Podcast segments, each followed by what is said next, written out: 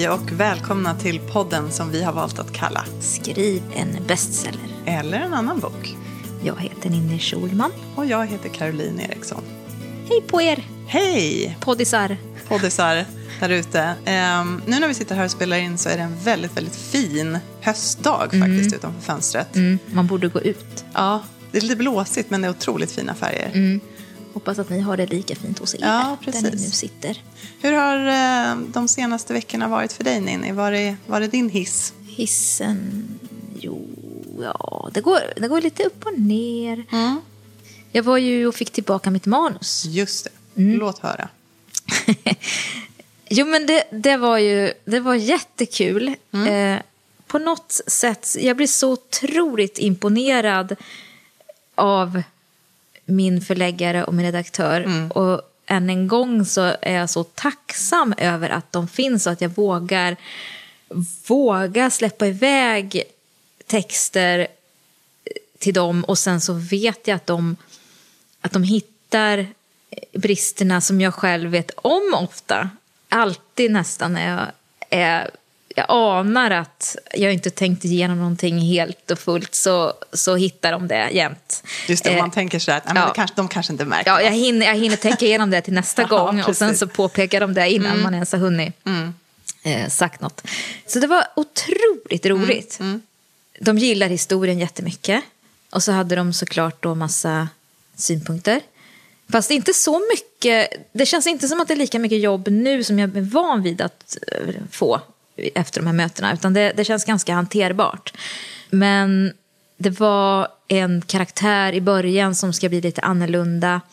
Ja, det är lite, lite olika saker som ska göras. Så att först så, jag var där en tisdag och så fick jag skriftligt omdöme, eller feedback, eh, på mail då på onsdag eftermiddag.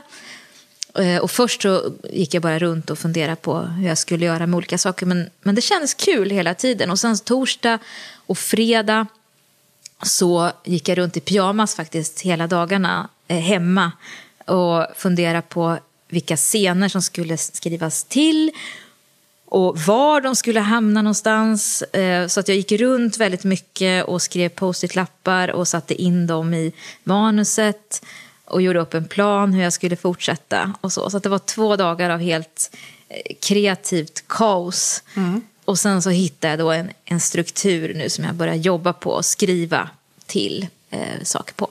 Så att- Får jag men fråga bara, för du Ja. Mm. säger skriva till. Är, det, ehm, är det framförallt det eh, som du ska göra? Nu? För en redigering kan ju se olika ut. Ja. Eh, ja men det, dels var det att ta bort saker eh, och eh, som information som inte skulle komma fram förrän senare. Och det, det är ju lätt, det är bara att stryka. Men sen så måste man ju bygga upp något annat istället då. Just det. Och då var det vissa scener som jag behövde, eller det är jag som gör det till scener, men det var ju, det ska byggas upp en relation. Och då måste ju de ju göra olika saker. Och då är frågan om vad ska de göra och när ska de göra det och hur. Det. Så det är det som, som jag har börjat med. Och det främst, slutet är ganska klart. Men det är så vi har sagt förut att i början är- där kan ju allt hända och då, då kan det behöva justeras. När man är i slutet så är det ju inte så himla mycket som kan hända. Det är mer uppstyrt då.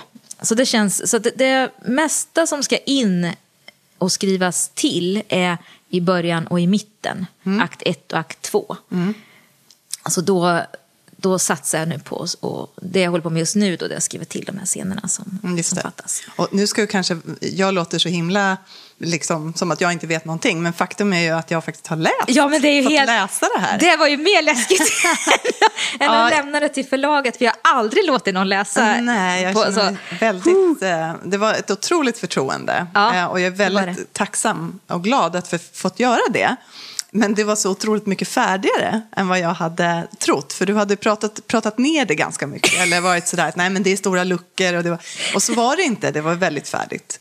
Eh, så det var därför jag frågade eh, lite grann hur du Ja. ska ta dig an det. Men, eh, men i alla fall så känns det jättebra att få se hur just Ja, anledningen, se ja, för anledningen till att du fick läsa var ju att du ofta jobbar klart väldigt Mm. mycket mer än jag gör. Eh, att du skulle få se hur, hur det ser ut när jag lämnar Mm. in det. Och sen har vi pratat om feedbacken jag fick. Mm. Och det är så skönt nu för nu vet ju du vad som händer. Man kan, Vi kan prata om det här Ja, på precis. riktigt. För att de, när vi har skrivit de andra böckerna då har vi pratat mer så här, ja, i allmänhet. Ja. Eh, Men nu kan vi verkligen gå in på så här, Det är första gången som vi... Ja, du läste ju De försvunna också. ja men då var ju du ganska klar. Ja, det var den. Ja. Men, men, eh, det här är en helt vi inte- annan grej. Ja, så det, det känns Ja, jättebra. Vi har nått nästa nivå i vår Ja. relation. Ja, vi precis. får vara inne i varandras texter och Ja. tycka till och läsa på ett tidigt. Men det är jättekul. Ja. Nej, så det, det känns eh, super, superbra. Och jag Ja. hoppas att du kan liksom få någon typ av inspiration Ja. att Ja, våga släppa Ja. innan det är perfekt. För det här var inte perfekt, men, men historien fanns. Eh, så att, eh, Mm, Ja, verkligen. Och, och det, då, då har man liksom energi kvar till Mm. nästa vänder också. Men då har jag fram till början av december på mig nu att fixa det här. det är en ganska ordentlig period. Eller känns det så? Ja, men det känns det så. I fredags kändes det inte så när jag gick runt och, i pyjamasen och, och allt snurrade runt. Men nu känns det... Nu har jag en plan. Mm. Så nu, nu känns det okej. Men det där kan ju skifta. Ja, verkligen. Från kvart till kvart. Från kvart till kvart, ja. Ja, Ja, det men just den här vanligt. kvarten så känns tidsaspekten inte som, som något problem i alla fall. Mm, det finns många andra problem, men inte just, inte just den. Nej. Nej. men det, det, känns, det känns bra, liksom. det känns kul. Mm. Jag tycker om eh, manuset och, och jag tror att det kan bli bra Ja, det kommer till bli slut. jättebra. Mm. När jag har gjort eh, det bästa. Men det ska vi återkomma till sen. Ja, precis. Ja, det temat. ser vi fram emot. Men hur, hur är det med dig? Eh, ja, just den här kvarten så är det Mm. inte så jättebra faktiskt. Jag, ehm, eh, jag är lite sjuk, eller jag är Ja. i alla fall inte frisk. Jag vet inte riktigt vad det är med mig. Lite småfebrig och så? Ja, jag vet inte om det är det eller vad det är för någonting. Men jag är lite i alla fall i obalans. Så jag har haft en, eh, några väldigt eh, lugna eh, dagar här. Så. Men, eh, nej, men annars är det väl ganska bra. Du har Jag- börjat skriva? Ja, jag har börjat skriva. Jag började då eh, i fredags. Ja. Men då ska man säga också att innan dess så har ju jag, sen vi såg senast, Mm. så har jag gjort ett ganska eh, grundligt jobb med eh, att förbereda vad det är jag ska skriva. Mm. Eh, och tänkte jag, kan, jag kan, eftersom jag faktiskt har gjort på ett ganska strukturerat Ja. sätt och för, för en gångs skull kan vara ganska konkret Ja. så kan jag ju dela med mig av det. ja, det tycker jag. Ja, då började jag nämligen med att jag är ju väldigt, jag har ju varit inne på det tidigare, jag är ju, jag är ju gammeldags. Mm. Så att jag, jag behöver kunna se och ta i eh, saker och ting. Så Mm. jag började med ett, ett stort liksom, A3-papper och på det A3-pappret satte jag upp en massa post-it-lappar. Och så skrev jag då allt som jag vet ska hända, alltså själva historien Mm. i någon slags kronologisk ordning. Och så liksom får jag flytta om då, ja, men jag måste liksom vara med på när, hur gamla är de här två personerna Mm. när de träffas första gången? Och händer det innan eller efter att det här andra händer och så? Mm. Eh, och i, så att det är mycket så här, i vilken ordning händer saker och ting? Och då är det verkligen från, alltså i kronologisk ordning då, från Eh, alltså allt som ska finnas med i tillbakablickar och sånt också. Det, det finns också med i den här kronologiska ordningen då. Ja, ja. Mm. Så parallellt med det, eh, själva hela historien, så har jag också gjort såna här karaktärsblad. Eh, blad. Eh, och då har jag utgått ifrån Elizabeth George, eh, det som finns i hennes... Eh, Skriv på. Precis. Ja. Och så har jag lagt till, det är några grejer som jag har lagt Ja. till själv som jag tycker är viktigt. Ja. Och, och sen så har jag jobbat liksom simultant med de där två. Mm. För att det hänger ju väldigt mycket ihop. Vem en person är, varför den är på ett visst sätt. Eh, vad den har för filosofi och rädslor och hemligheter. Det hänger ju ihop med hur han eller hon också agerar Mm, då. Så att de där två har jag hållit på med parallellt.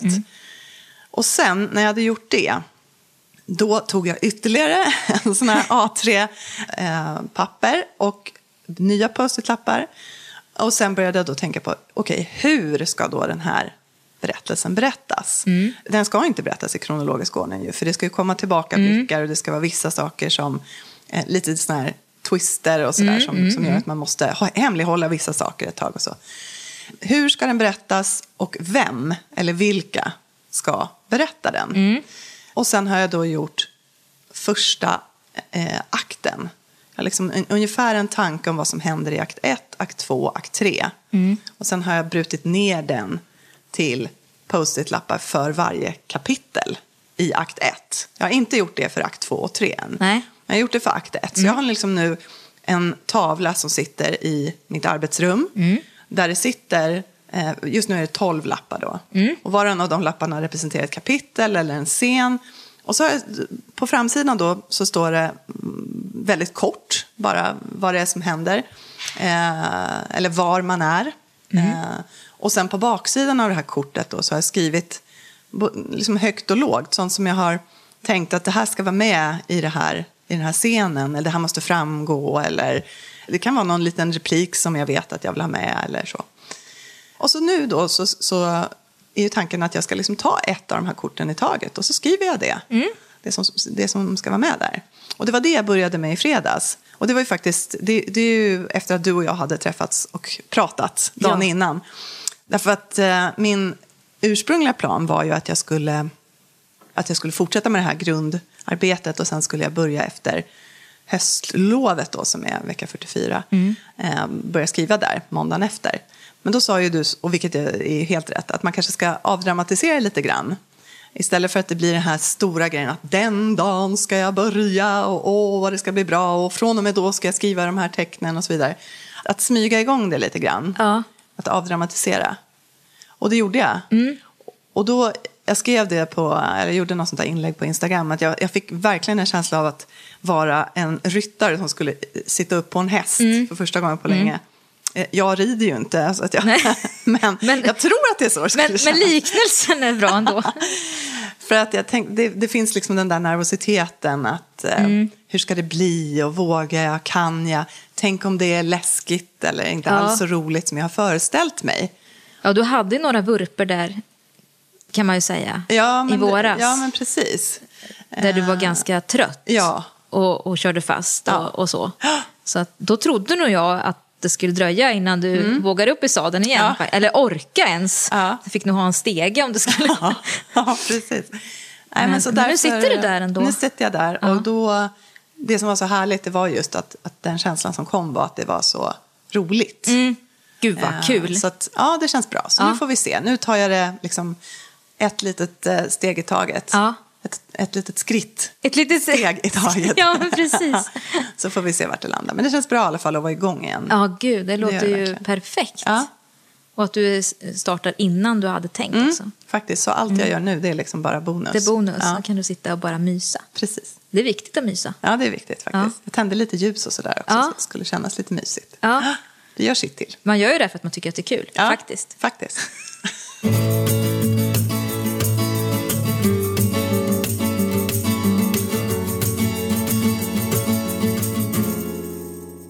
tänkte att vi skulle prata lite om prestationsångest den här gången.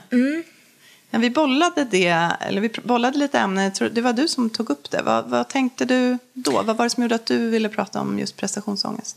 Nej, men när, vi, när vi sågs i torsdags var det ju, Mm. på Löfbergs kaffebar för övrigt, som vi ska prata lite mer om. Men det är så himla mysigt, vi blev sittande där jättelänge. Ja, verkligen. och prata om skrivandet såklart. Och, sådär. och när vi kom därifrån då, då tänkte jag att det vi återkom hela tiden till då var prestationsångest och stress kontra lusten. Hur viktigt det är att man lyckas liksom, hitta tillbaka till lusten innan man helt blir däckad av den här prestationen. Och att man sätter upp för höga mål som man inte klarar av. Och att det här är liksom en balansgång hela tiden som man brottas med varje dag. Och jag kan bli så trött på det. Att man hela tiden måste vara sin egen chef. Det är man själv som måste sätta upp sina mål, det måste man. Men också man själv som måste säga att okej, det blir inte så bra det här, men det är okej. Okay. Det är man själv som måste konfronteras med sin text igen och säga att det kan bli bättre och fortsätta ändå. Det här är svårt tycker jag. Jag tror att det inte bara är vi som sitter och har de här tankarna heller för att alla ni som sitter ute i stugorna som man säger, varför säger man det? Sitter ute i stugorna? Ni kan ju bo var som Eller i helst. era lägenheter, Ja, var som helst ni sitter. sitter och, Ja. och skriver och, och sliter med det här så alla tror jag brottas med de här tankarna. Mm. Att man vill så mycket, man har, ribban är ganska högt och man försöker och försöker Och man når inte dit. Jag når aldrig fram. Jag, jag når aldrig dit jag vill och ändå fortsätter man. För att man Nästa har- gång kanske. Nästa gång kanske. Man når tiden. Mm. nästan fram och man kan vara nöjd med det. Men Har du alltid haft, alltså har den här prestationsångesten som du upplever, har den funnits med dig hela tiden? Har den Mm. Ja. förändrats någonting längs vägen? Alltså blivit starkare eller svagare eller skiftat karaktär på något vis? Jo, men när jag skulle börja försöka skriva böcker då, då förstörde prestationsångesten allting. För att det var ju så att jag skrev ju ingenting. Jag bara drömde om att skriva. Ja, precis. Att- ja, det är att väl jag- en sån här klassiker. Ja, för att jag fick för mig att varje mening skulle vara magisk. Verkligen magisk. Och skriva magiska meningar efter varann, bara sådär, det är jättejobbigt och, och svårt. Och det blir inte så många meningar på en dag då. Man ska, varje kommatecken ska vara exakt. ord. Nej, och det var ju det som hände då, att, att jag var så fixerad vid att det skulle vara så, så liksom, djupt och svårt på något vis. Och det skymde också historien eh, och, och skymde allting, så det var, blev liksom ingenting. Men sen så när jag då kom på att man koncentrerar mig på att skriva spännande, då kommer språket automatiskt. Eller inte, jo, men mer eller mindre automatiskt. För då, då vet man vad man ska berätta i alla fall. Inte hur man ska berätta det, men liksom att det är det här som jag ska säga. Eh, så då blev det ju någonting. Men sen så, så tycker jag att det är... Jag drabbas ju av, av de här... Det är inte skrivkramp, utan det är bara som en hisnande känsla av hur, hur dåligt det är. Ja, jag Varför, jag, varför för håller jag på igen. med det här? Och så. Och, och då, uh, det, man bara åker ner liksom. Och så ska man kravla sig upp där. Och det, är- det är jättejobbigt att kravla sig tillbaka varje gång tycker jag. Hur gör du det då? Och vad har Eh. du för strategier där? Eh, att jag tänker 5000 tecken om dagen. Ja, det har du, det, det har du verkligen... Det har jag lärt ja, mig det är min, käpphäst. ja, det är min magiska formel för mig. Sen har ju alla sina grejer. Men för nu till exempel då så är det så lätt också att man får tillbaka ett manus och så tänker jag nu har jag två månader på mig att göra det här till något alldeles fantastiskt. Det ska bli den bästa bok som någonsin har skrivits i hela världshistorien. Och så har man två månader på sig och så tänker jag då det händer varje gång, varje dag att jag ändå tänker den här tanken att nu ska jag skriva hela tiden och så bokar jag av saker och jag, jag liksom ska maxa. Liksom. Jag ska skriva varje dag från jag vaknar tills jag går och lägger mig. Ofta händer det att jag tänker då, speciellt då när jag inte har barn de veckorna. Bara, nu ska jag gå klockan sex och så ska jag sätta mig och så ska jag skriva jättemycket. Och grejen är att jag får ju migrän då, på riktigt. Jag har problem med migrän och jag får ju det när jag tänker den här tanken att jag ska sitta hela tiden. Och så, jag vet ju att jag kan ju inte sitta en hel dag och skriva för att kroppen klarar liksom inte det.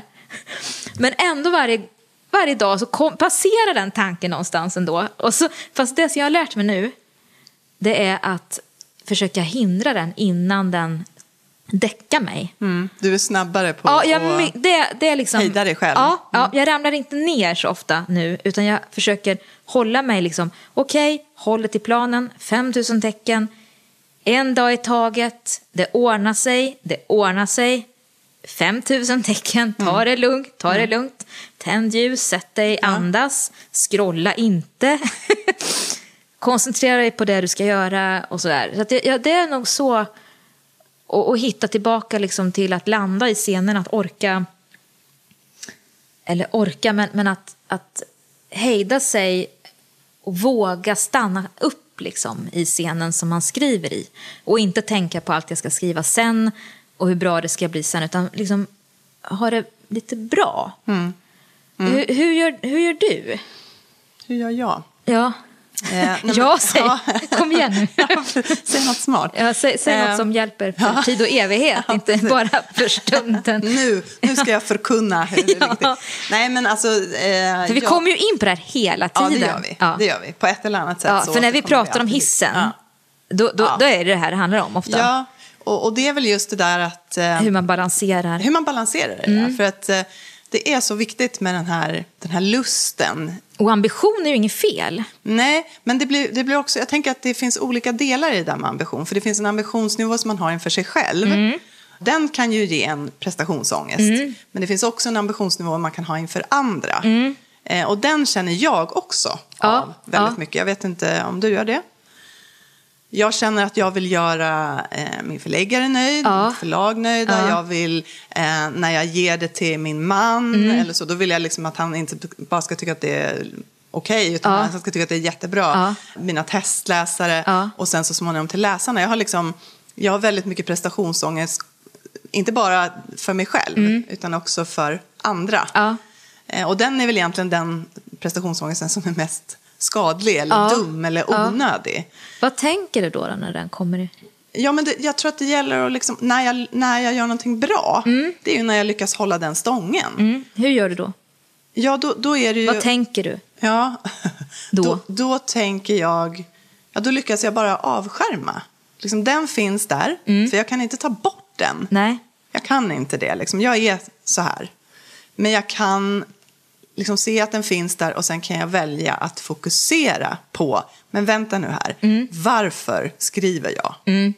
Jo, just det, därför att det är det roligaste som finns. När jag får sitta i den här berättelsen, hitta meningar som stämmer, hitta ett flow, hitta liksom, karaktärerna nästan lever sitt eget liv. Det är därför jag skriver. Och det gäller liksom att, hitta, eller hitta in i den, när jag kan hitta tillbaka in i eller liksom vara i den bubblan. Då kan jag stänga ute de här andra tankarna. Jag tror att ehm, det, det är egentligen mitt bästa svar. Jag kan inte, jag kan inte säga att ja, nej, men, eh, så här gör jag för att bli av med den prestationsångesten. Men för det, den, den finns där. Det handlar om att hantera Det den. handlar om att hantera den. Ja. Ja. Och, och när jag, det, det, det är det jag tror att jag lyckades faktiskt nu med i slutet på förra veckan här. Mm. Att jag, eh, istället för att tänka så mycket på, på framtiden och hur kommer det bli nu och hur lång tid ska det ta mig att skriva den här boken och Mm. hur kommer den att gå och liksom bla bla bla, vem kommer tycka om den och kommer den att göra folk nöjda, alltså så. Ja. Istället för att, att vara i det så, så bara bestämde jag att nej, nu ska jag göra det här roligt. Liksom. Jag ska bara vara i, ehm, det, det här ska vara kul. Det ska kännas bra och roligt och jag ska vara inne i min berättelse. Skit i allt det andra. Ja. Det här med att tända ljus och så, det kan låta lite fånigt och fluffigt runt omkring. Men för mig var det, det var liksom en viktig grej som signalerade att nu ska jag ha en härlig stund. Liksom. Ja. Jag gjorde lite fint för mig själv där nere på, i arbetsrummet. Det har varit så himla stökigt och sådär. Så att det skulle kännas kul att gå dit. Och sen så innan jag gick och satte mig där så gick jag också liksom så här gottade mig åt att nu ska jag få skriva den här scenen. För jag hade ju bestämt innan vilken scen det var jag skulle skriva. Och liksom gick in i det där och, och liksom gottade mig åt vad som jag skulle få vara med om. Ja. Så att jag byggde upp den känslan. Och sen så, så höll jag ju kvar den då. När, jag, när jag satt där nere, då var det bara jag och den här berättelsen. Och då, som sagt, då... Så för mig handlar det nog mycket om var jag liksom lägger mitt fokus. Att inte tillåta de här andra tankarna att ta över. Ja, det låter ju klämkäckt kanske. Men, men på något vis är det... Jag, för jag vill inte heller vara så att jag säger att, att det går att få bort de tankarna. Alltså de finns där. Ja. Men, men de kan vara mer eller mindre påträngande. Man kan sätta dem i baksätet på bilen. Liksom. De får finnas där, men det är jag som kör. För att använda en sån här härlig liten självhjälpsmetafor. Alltså, att Ja. de, ja, Ja. fine. Ni är här nu igen, Ja. tvivel, prestationsångest, perfektionist. Jag vet att ni alltid finns med mig. Men nu får ni sitta i baksätet, liksom, för nu är det jag och kreativiteten som sitter här fram. Och jag kör. Ja, precis. Ja. Så att, ehm, ja, men jag, jag, först, jag kände att det faktiskt funkade Mm. eh, i förra veckan. Och sen tror jag att det, det kommer väl att gå upp och ner. Ja. Jag tror också att för mig, jag hade ju ganska mycket prestationsångest. Det hänger ju också ihop med det här med perfektionism. Ja. Som jag ju har en ganska stor släng av. Ja. Alltså jag vill att det ska vara perfekt eh, och helst direkt. Ja. Jag hade ju, upplevde det väldigt mycket i våras eh, när jag jobbade med Hon som vakar. Och jag jobbade också väldigt, väldigt mycket då. Under en ganska lång tid så jobbade jag långa dagar och, och kvällar och helger. Och liksom, jag, jag jobbade väldigt, väldigt mycket Du slet enkelt. Jag hårt. slet, ja. Ja. det gjorde jag faktiskt. Och därför så har nog jag nu tänkt, liksom, haft någon sån här mental utgångspunkt att ja just det, snart ska jag tillbaka in i det. Det är det modet som jag ska in i. Ja. Men när jag började tänka att nej, men jag, jag, kommer få, jag kommer inte ha det så. Nej. För det har jag lärt mig att det funkar inte för mig. Nej. Ja, det funkade ju, men jag, jag fick inte till bra min bok, det. men det, det var liksom inte optimalt för Nej. mitt välbefinnande. Nej. Och då, då, när jag då kan känna att ja, men, jag får må bra, jag Ja. ska må bra, Ja. det får vara kul, jag ska ha kul. Det är liksom mer, så här ska det vara nu. Ja. Då släpper jag också någonting. Att Ja. det, det behöver inte vara stress och press för att eh, jag ska känna att jag gör ett bra jobb. Nej. Det låter ju lite konstigt också, men på, nej, det är någon sån grej också tror jag. Att, Är det eh, någonting med, med att, att eh, vi, vi skriver, vi var inne på det lite grann när vi pratade om föräldraskap, att det vi håller på med är liksom frivilligt. Ja. Och att, att tillåta sig själv att det dessutom då är, är riktigt roligt. Ja. Att man nästan ska kompensera att ja, jag skriver, men jag gör det på allvar. Ja, och jag precis. skriver de här timmarna och jag sitter rakt upp på en stol. Och, Raka ryggen. ja, precis. Eh, att man ska kompensera det här med att vara lite extra... Lite Luther. Lite liksom. Luther, ja, Ja. men precis. Ja, kanske det. Jag vet inte. Men, eh, nej, men det, det kan ligga någonting i det. Och så just det här, jag tänkte faktiskt på den här chefs... Eh, eh, liknelsen, Mm. eller så att man är sin egen chef.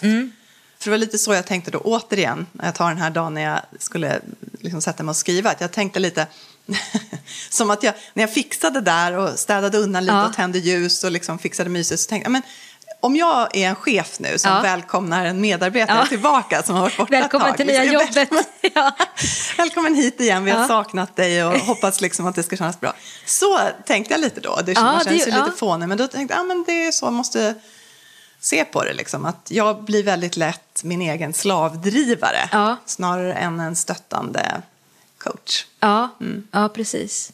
Men det där, eh, jag tycker att det där är svårt för att på något vis tillåta sig själv att...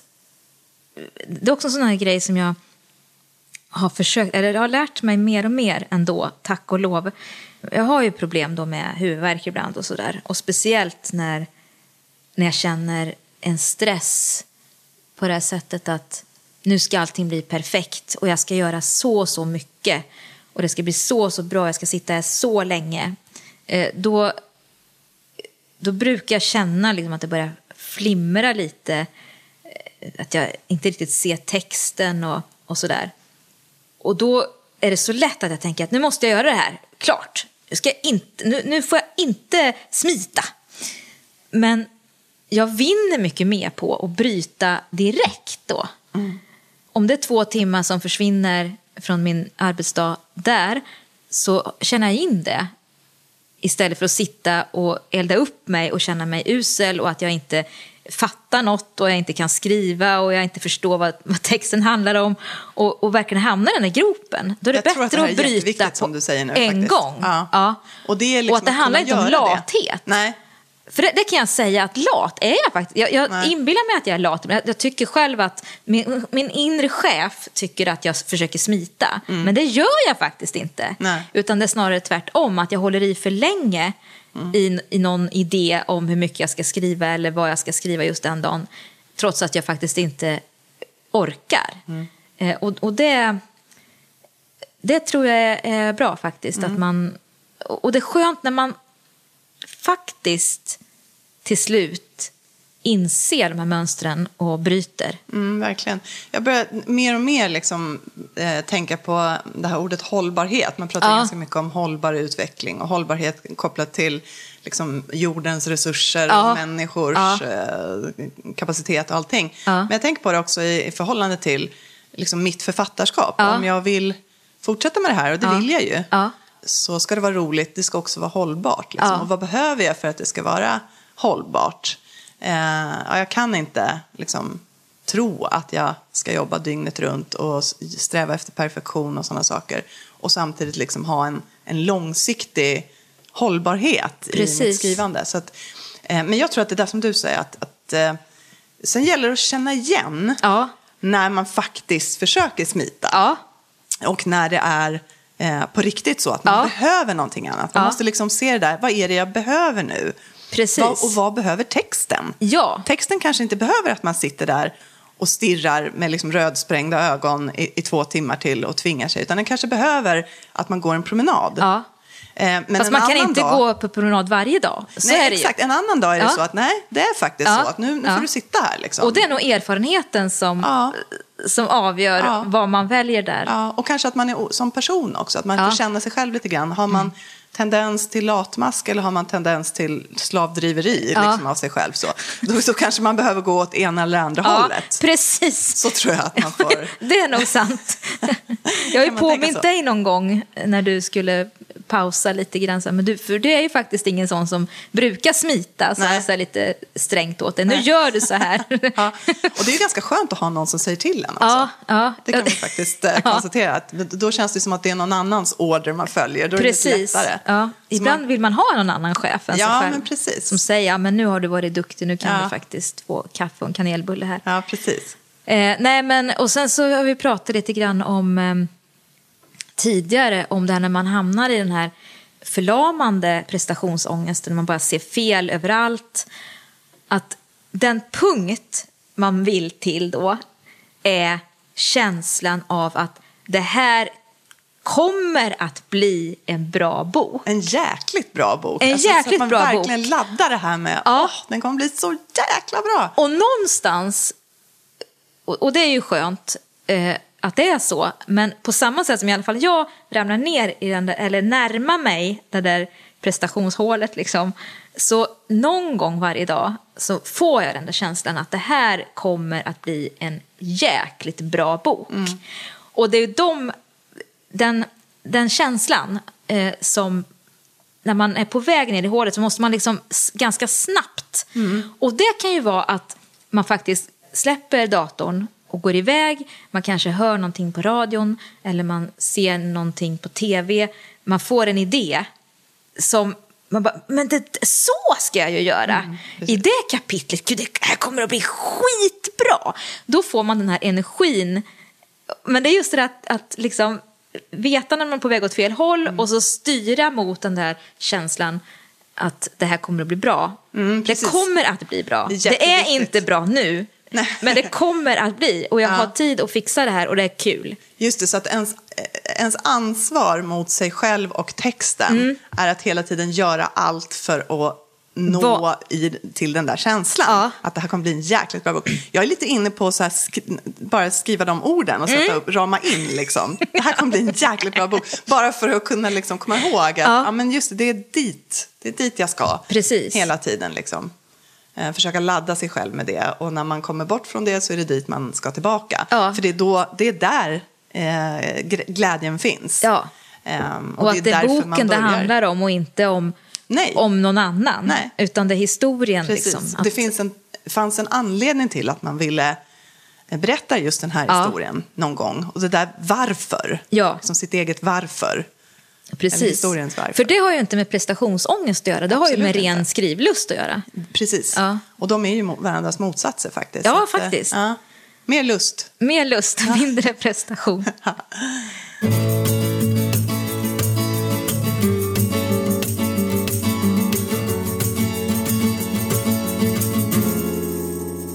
Ja, hörni. Förra gången så hade vi en tävling. Vi, hade ju, vi har ju haft Mathem Eh, så förnämligt som sponsor här i ett par avsnitt. De tävlade ut ett presentkort på 500 kronor. Eh, och det var ni flera som ville vinna och det förstår jag. Och vi har dragit en lycklig vinnare bland er som svarade rätt på frågan. Frågan var ju hur stor andel av eh, eh Mathems eh, omsättning som är ekologisk. Och svaret var 25 procent.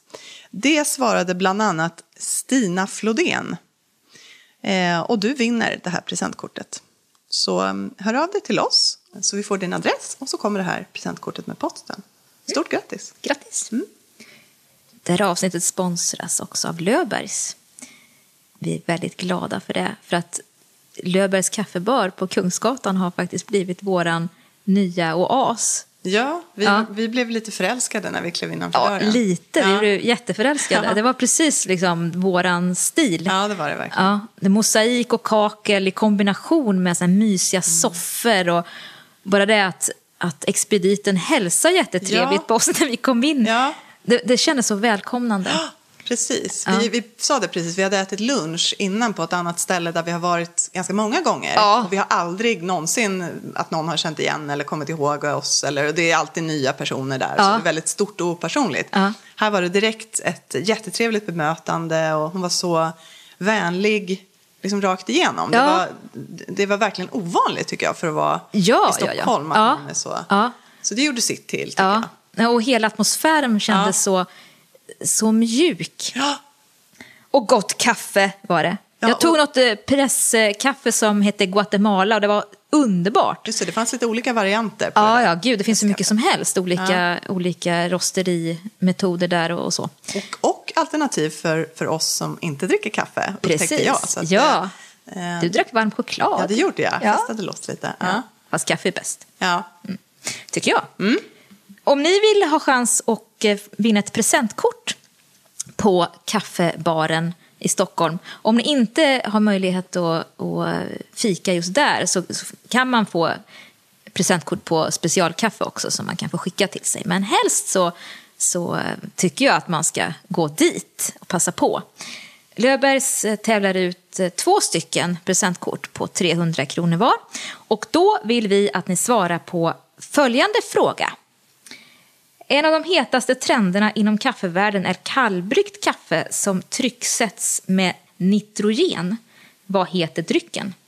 Om ni vet vad eh, den kallas så ska ni skriva det svaret på vår Facebook-sida. Vi kommer att lägga upp ett specialinlägg om det. Och svaret borde man kunna hitta på Lövbergs hemsida va? Ja, jag antar det. Ja, va? jag tror det va? Jag tror inte att det är så svårt att hitta. Nej. Nej. Så, gå in där och kika och så svarar ni. Lycka till. Och lycka till. Och så kanske vi ses på kaffebaren någon gång. Vi lär hänga där Ja, lite om. framöver. Ja. Mm.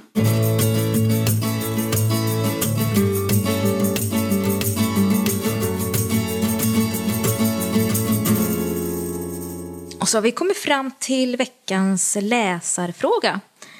Och Johan Albin är lite intresserad av redigering, hur man gör. Rent eh, både praktiskt, skriver man ut på papper och tar fram rödpennan. Eh, hur börjar man? Hur strukturerar man? Eh, men också hur man går tillväga om man vill låta någon annan läsa och komma med synpunkter om man inte har tillgång till lektör. För det finns ju lite olika sådana tjänster man kan köpa också.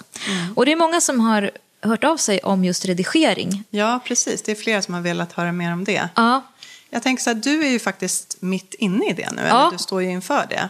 Och du har ju en liten, eh, du- nämnde ju lite grann här innan att du har en, en liten plan. Ja. Kan inte du gå in på den då och, och liksom beskriva lite konkret hur den ser ut? För det kanske kan vara till Ja, hjälp här. för att när man, när man ska redigera så är det ju jättelätt, i alla fall för mig, att, man, att det känns som att man drunknar i olika saker som ska åtgärdas. Det är smått och det är stort och saker ska flyttas hit och dit och sådär. Så att för att inte bara förvirra sig in och börja klippa och klistra och, och, och ha sig så att man inte fattar någonting så är det bra om man, har, om man gör en sak i taget.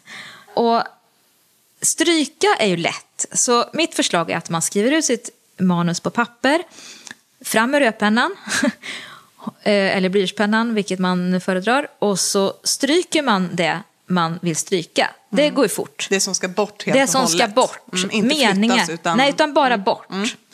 Eh, och sen funderar man på, är det någon scen, några scener, någonting som ska skrivas till? Och då börjar man med det.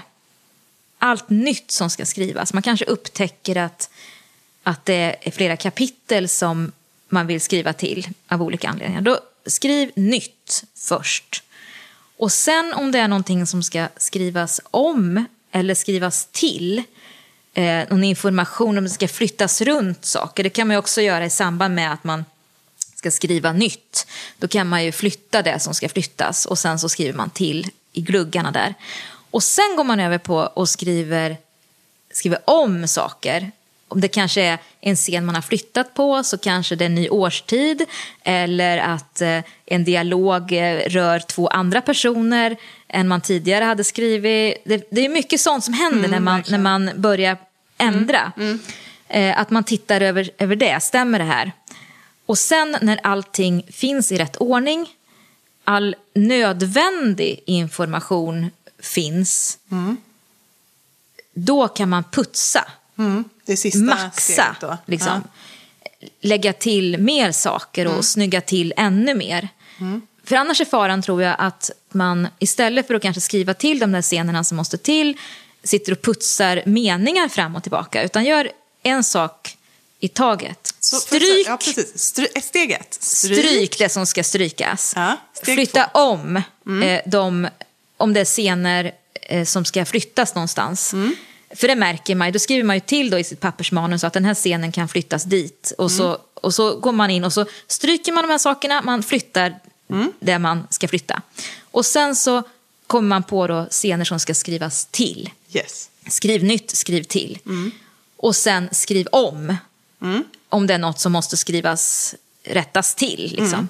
Och sen putsa, Putsa. och maxa. Det är jättebra. Väldigt bra metod. Är det- Den kommer du att följa Ja, här? definitivt. Så var är du nu då i den? Nu du är jag på skriva till. Ja. 5000 tecken om dagen. Ja, då kör du det. Ja. ja, men vad bra då. Ja. Det låter jättebra. Eh, Har du gjort så här ungefär tidigare också, eller är det första gången som du... Nej, det är nog faktiskt är första gången jag, jag Ja. har, har satt ord på det på det här Ja, sättet. ja. Så att, eh, men det, det tog fem böcker att komma dit. Men, men nu känner jag att jag har lite mer koll på vad det är. Och att, att man också under resans gång kan tänka att ja, men det här, nu är jag inte där i processen, utan då kan man anteckna det någon annanstans och så kan man skjuta det åt sidan på den listan. Och så när det är dags för det, då tar man tag i det. Men att man gör det man ska, man koncentrerar sig på en grej. Just det. Det är jättebra. Jag tänker också på någonting som du sa eh, egentligen i förra vändan, alltså när du skulle lämna in ditt första utkast. Eh, som jag också tycker är en sån här bra grej att ha i huvudet. Att, att eh, när, när du då kom på saker som du visste att men här kommer jag vilja lägga till och ändra och så. Men att du var fokuserad på eh, storyn. Vad är det som hör till storyn? Om- Är det någonting som fördjupar en karaktär eller så? Det kan man alltid lägga till sen. Men att man kan först fokusera på på själva Ja. historien, Ja. att få historien på plats. För det är också en del liksom i, innan man börjar redigera, att man, inte börjar, att man inte redigerar sig själv för mycket längs vägen kanske. Precis. Utan att man kan fokusera på att få ihop historien Ja. Och sen går man vidare. Ja, sen kan man då kan man bearbeta göra alla de här sakerna ja, som du ja, säger nu. Ja, Det tycker jag var ett bra, också en bra sån här grej att ha i huvudet. ja. Har du någon, någon annan? Oh, jag önskar att jag hade någon ännu så här snyggare modell. men det har jag inte. Jag, tänkte, jag, jag tar den här, norpar den här. Nej, men det är ju lätt att bli, bli slagen av det här. Det, det är så stort. Liksom. Ja, det är lätt att drunkna. Det är lätt att drunkna Ja. i det. Och då, man måste hitta något sätt att sortera det. Ja. Jag har nog alltid bara liksom, eh, tagit... eh, Den, den här feedbacken får man ju som sagt utskriven. Och att man då sitter med det där. Eh, och så, så stry, tar man en sak i taget så här. Ja. Och så stryker man det man har gjort och så går man vidare till nästa. Och tycker man att någonting känns lite för tungt just då eller någonting man behöver tänka mer på innan man sätter igång så går man vidare och sådär. Och sen så stryker man och stryker och stryker och till slut har man strykit allt. Liksom. Eh, Men jag tror att då, då blir det att man blandar äpplen och päron lite grann. Ja. Eh, Och jag tror att det är eh, väldigt klokt att göra så som du säger nu. Att man, liksom, att man sorterar i olika skikt. Så. För då drabbas man heller inte av den här eh, drunkningskänslan. Nej, och, och sen att man vågar, vågar stanna upp och tänka efter också. För att feedback som man får i det här läget är ju ofta typ den här karaktären känns för osympatisk eller gör, gör att, att hon har mer sorg. Eh, hon, bär, hon, hon måste bära på ett trauma från barndomen kan det vara. För att då får man mer sympati eller någonting. Ja. Och då, det är lätt att säga. Ja, precis. Men det är ganska mycket att Men, fundera men på. att, ja, Hur- man måste ju hur fundera man på hur, hur gör Mm. jag då? Hur, hur ska jag lägga upp för att, få att någon har haft ett trauma? Hur, Vad är det för trauma? vad är det för trauma? Hur ska det visa sig? Mm. Hur ska jag berätta om det? det? Det är liksom ingenting man bara säger, okej hon ska ha trauma och så sätter man sig och skriver. Utan det, det kräver ju Ja. att man faktiskt skriver till någon liten scen Mm. kanske. Eller att det är en dialog med någon barndomsvän eller Mm. vad det nu kan vara. Man måste ju lösa problemet liksom, eh, i olika steg. Så Mm. att man kast, man ska inte kasta sig över det här, utan börja lite lätt. Mm. Som sagt, stryka är ett jättebra sätt att komma in i.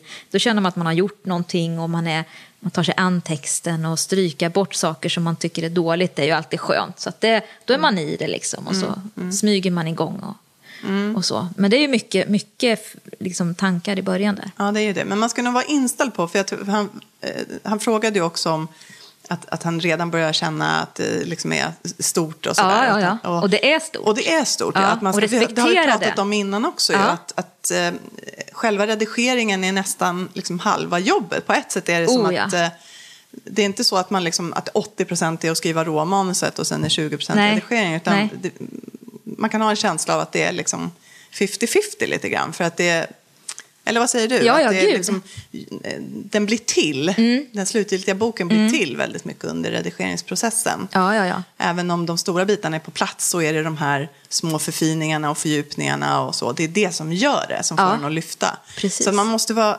vara med på Ja. att det är så. Det ska vara någonting Och det är som ingen tar tid. kritik. Nej. Det, det är liksom inte, det här var dåligt, gör om. Utan det handlar om att lyfta. Mm. Precis. Att maxa Ja. den historien som finns. Eh, och, och sen är det ju också att låta någon annan läsa. Ja. Kommer du ha några konst. testläsare nu? Jag har ju fått Ja, du, har, du, ja. du kan ju få läsa nästa Ja, vända får du se göra. vad Ja, jag har ja, gjort. ja. Ja, så Jättegärna, hänger det på. spännande. Ja. Mm. Ehm, nej, jag vet inte riktigt, kanske. Mm. Eh, men man måste, det måste man tänka, varför vill jag att någon ska... Ja. Vad, vad vill jag ha ut av det här? Man Precis. ska inte bara ge sitt manus till någon och säga vad tyckte du? Nej. För det är ingen som vågar säga någonting då.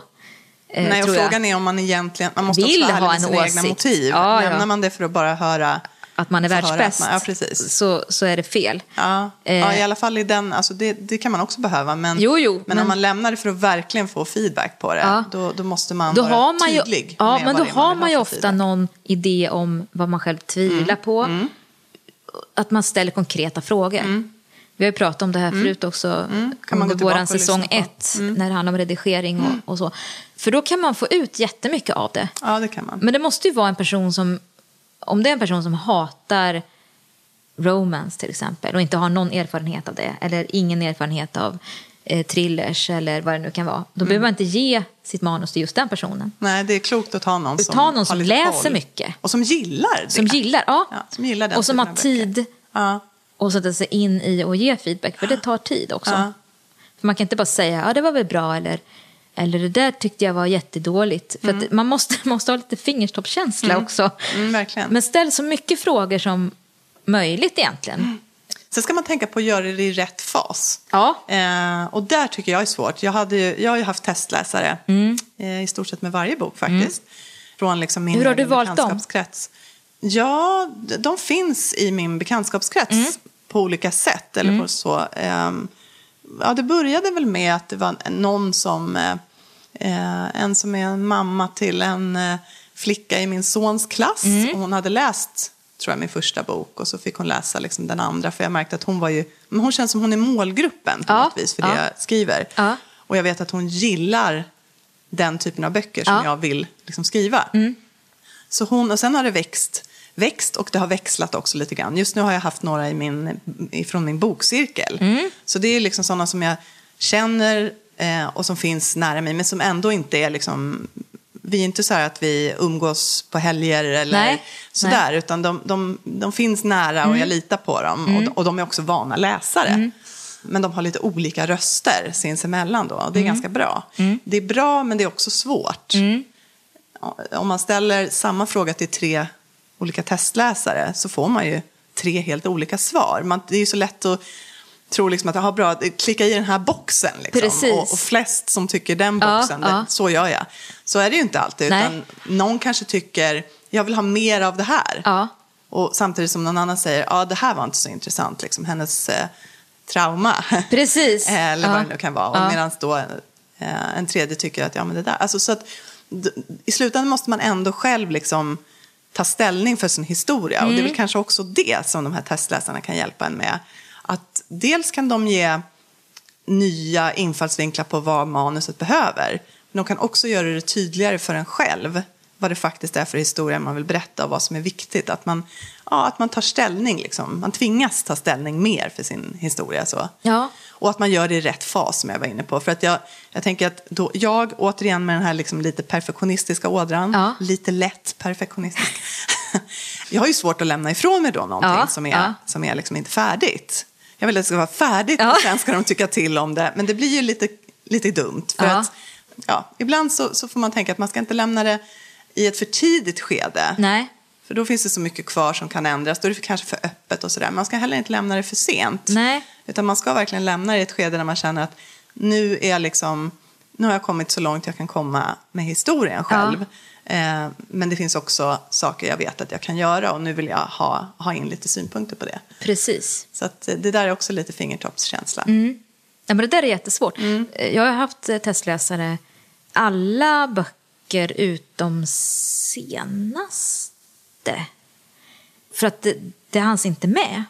Jag, jag, jag vet inte när de skulle ha läst och när jag skulle ha kunnat tagit Nej. med an deras åsikter. Nej. Så att då, då fick det vara. Ja, då är det bättre att låta då, bli. Mm. Då är det bättre att låta bli. Men någonstans... Eh, ja, Mm. så att man har tid också. Precis. Och ta, ta, ta in Mm. Ta in. synpunkterna. Ja. Men låt Yes. redigeringen ta tid tycker Ja, jag. var inställd på att det ska vara så. Ja, och försök ha kul Ja, under tiden och tänka att det kommer att bli jättebra. en jäkla bra bok ska det bli. Ja.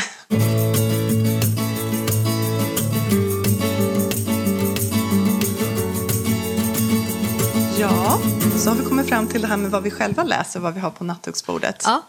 Det ser lite tomt ut på din sida av bordet. ja, det gör ju det. Eh, Jag har typ inte, jag har typ inte läst eh, knappt någonting. Jag, jag tog mig ju igenom den här fruktansvärda boken som jag pratade om Ja, förra, just det. Mm. förra avsnittet här. Eh, om eh, det här nazistiska barnsjukhuset. Ja, du, tog, du läste klart den. Ja, men det var... Det Tungt. var jag, jag tror jag tappade helt läslusten efter det. faktiskt. Det, det, och det är ingen kritik mot boken, men Mm. Nej. den var så tung.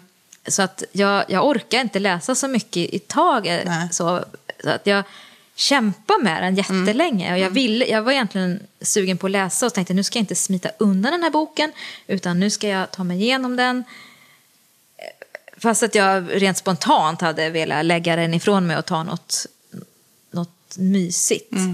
Men nu är den gjord och nu ska jag bara hämta andan lite. Och så Jag tänkte säga, är det någonting. inte så också att vissa böcker kräver faktiskt eh, lite tid för reflektion eller att man låter det smälta Ja. efteråt. Man kan inte bara kasta sig över, över nästa. Så Nej. kan jag känna ibland, att behö, den behöver få processas. Ja. Alltså man behöver få en bok ur systemet Ja. innan man kan Ja. ta sig an nästa. Det är inte så med alla böcker, men vissa böcker, och speciellt då den typen av Ja. böcker som verkligen berör en på djupet. Ja, och den, den här boken som vi pratar om då, då det, det är De utvalda av Steve Sem Sandberg. Just det, precis. Väldigt bra och gripande bok, men som sagt, den tog på krafterna. Mm, Men du har en hög där, så du kanske kan tipsa mig om något. Jag har en liten hög. Ja, vi får väl se. Ja, dels har jag faktiskt eh, eh, en Elena Ferrante-bok. Ja, är det i serien eller? Ja, det är den andra boken i serien. Jaha, så jag ligger ju ja. lite efter Du ligger lite andra. efter, Ja, ja. Visst. Hennes nya namn, Ja. det är väl den andra tror jag. Ja. Eh, och det här faktiskt är en bok som har legat på mitt nattduksbord egentligen sedan i somras. Mm. Så jag har läst den av och till, liksom brutit av, eh, parallelläst den med Men, andra men kan du böcker. göra det? För det är många namn, Ja, tänker jag. det är lite jobbigt. Är inte det lite jobbigt? Jo, Men det- Vem var det här då? Ja, det är var det portvaktsfrun eller? Ja, precis. var det slaktaren? Vilket smeknamn var det här nu då? Ja. Jo, men lite så är det. Eh, och det, har väl gjort att, det är väl också det som har gjort att jag inte riktigt har liksom kommit in i den. Nej. Men nu då, så, så, när jag var lite sjuk här och så i helgen, så, så eh, ägnade jag mig helt åt den här. Och eh, eh, den är ju du? jättebra. Ja. Jätte, jättebra. Och nu, jag tyckte att den här boken var bättre än den första Ja. boken. Eh, och jag vill absolut läsa del tre och fyra, Mm. som alla andra redan har gjort. Men i alla fall, jag tycker den är...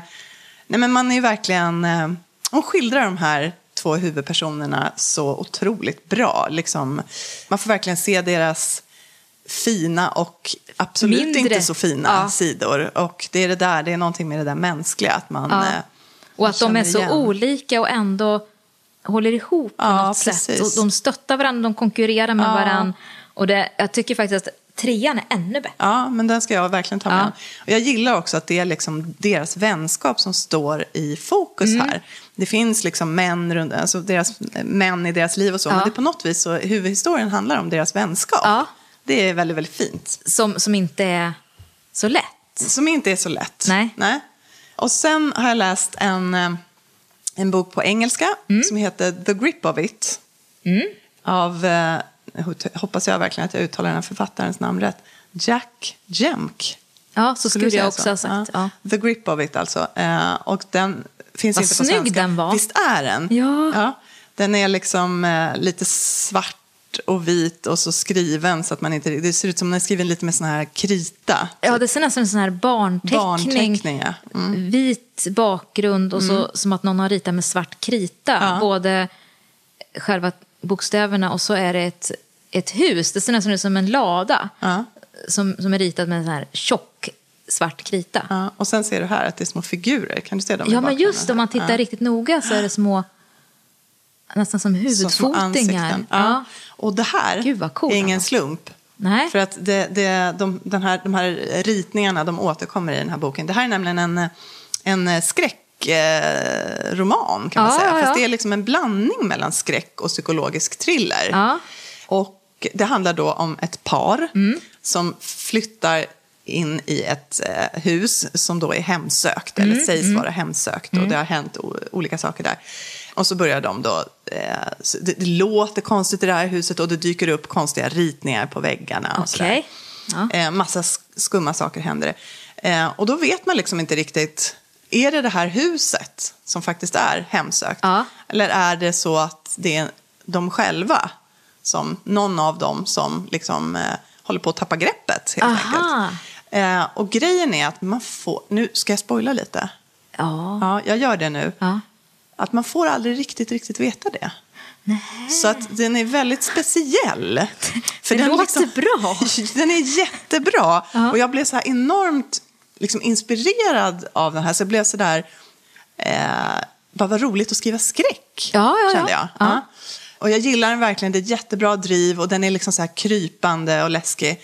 Och samtidigt så var det lite så här vagt otillfredsställande. Alltså på något vis så, den är ju lite mer litterär, Ja. tror jag, än eh, en, en liksom traditionellt så här skräck, eh, kommersiell skräcksuccé. Liksom. Eh, och det, en av de bitarna är väl just det här att hon, hon gör det väldigt, eller hon säger jag, det är väl en han kanske, Jack Jemk. Nej, det ser ut att vara en tjej faktiskt. På. Det hon gör väldigt, väldigt bra är att hon, hon lägger upp det så att det är nästan så att det finns ehm, ett flertal liksom, olika tänkbara förklaringar. Ja, och så får ja, man ja. själv då känna Vilken som är vilken, den vilken tror jag. man tror på. Ja, men den är, den är bra. Ja. Den är helt klart bra. Ja. En lite annorlunda lösning då Ja. slutet. Som sagt. Sen har jag då börjat läsa, eller ungefär halvvägs, i en, eh, en bok som heter På andra sidan väggen. Och den här författaren vet jag inte om jag ska våga mig på att uttala. Sherry, Sherry Lapina? Ja. Eh, Det här är också en psykologisk thriller. Jag tror att den är, den är liksom tänkt att följa i spåren på eh, Paula Hawkins och, Mm, okej. och så. Jag tror att det är samma förlag till och med från början. Och jag läser ju då så mycket jag kan i den här genren. Jag tycker ju väldigt mycket om den. Eh, och det som är intressant med den här boken, På andra sidan väggen, den, den har en väldigt, väldigt snabb och bra eh, vad ska jag säga, inledning. Som gör att man, det, liksom, det är en snabb hook där. Det är ett par som är på middag hos grannarna. Eh, och de har lämnat sin baby hemma. De har en sex månaders bebis. Och de har haft, barnvakten ställde in. Ja. Så de har lämnat bebisen hemma. Ja. Eh, Har de sånt där larm? Med ett larm, ja, precis. Och sen så går de också in och tittar till den här bebisen då med en halvtimmes eller en timmes mellanrum. Ja. Men när de kommer hem så är hon borta. Ur sin, liksom försvunnen ur sin säng. Ytterdörren står lite öppen. Och så. Ingenting annat är borta förutom barnet och hennes lilla filt. Eh, och då är det ju liksom, vad har hänt? Ja. Eh, och det är en väldigt, väldigt stark motor Ja. i den här berättelsen. Jag Ja. skulle säga att den är faktiskt inte, om jag får vara lite kritisk. Ja, så det är får man. Ja, så är den inte jättevälskriven. Nej. Eh, det finns ganska mycket som jag liksom lite så stör mig på. Man vet inte riktigt om det är översättningen eller... Eh, det är svårt när man Ja. läser en, en översatt bok så här. Men det är lite, de glider lite i, eh, i berättarperspektiven, så där, Mhm. tycker jag. Och eh, även då det här med tids... Eh, mellan liksom eh, nutid och dåtid. Och Ja. lite, lite sådana där små saker som inte känns sådär super, ja, inte supervälskriven. Men jag fortsätter ju läsa ändå, därför att det här är väldigt, väldigt spännande. Ja. Ja, hon har verkligen lyckats få till det här, det här drivet. Ja. Liksom, i, i, eh, I att man måste bara få veta vad det är som händer med den här, vad är det som har hänt med den här bebisen. Ja. Vem är skyldig? Ja. Ja, Spännande. yes. Så det var det för den här gången. Det var det. Det var det. Ja. Ja, ska vi, säger vi så då, eller? Ja, vi säger väl så. Ja. Nu får du ut och njuta av höstvädret. Ja, nej, jag ska skriva mina 5000 Ja, tecken. ska redigera. Ja. Ja. Men, men hör av er till oss. ja. Vi älskar det. Ja, vi älskar er. Ja, det gör vi jag du faktiskt. skulle säga. Ja, det kände kunde jag sagt också. ja, för det gör vi verkligen. Och det finns inget bättre än när ni hör av er. Nej, Det är fantastiskt fråga kul. på och, Ja, och tävla som sagt också. just det. Om presentkort. Mm, och det på kommer vi lägga en sån där Ja. litet specialinlägg på Och så- sidan på Facebook. Ja, och så tackar vi Timmy Strandberg på poddbyrån. Och så tackar vi Josh Woodward som vill låna musiken av. Och så hoppas vi att vi hörs snart igen. Yes. Häng på. Ha det bra. Ha det bra. Hej. Take time, do what you're gonna do and just smile. You're gonna see through. Your wings are gonna sprout and lift you off the ground. Take time, do what you're gonna do. Just smile. You're gonna see it through. Your wings are gonna sprout and you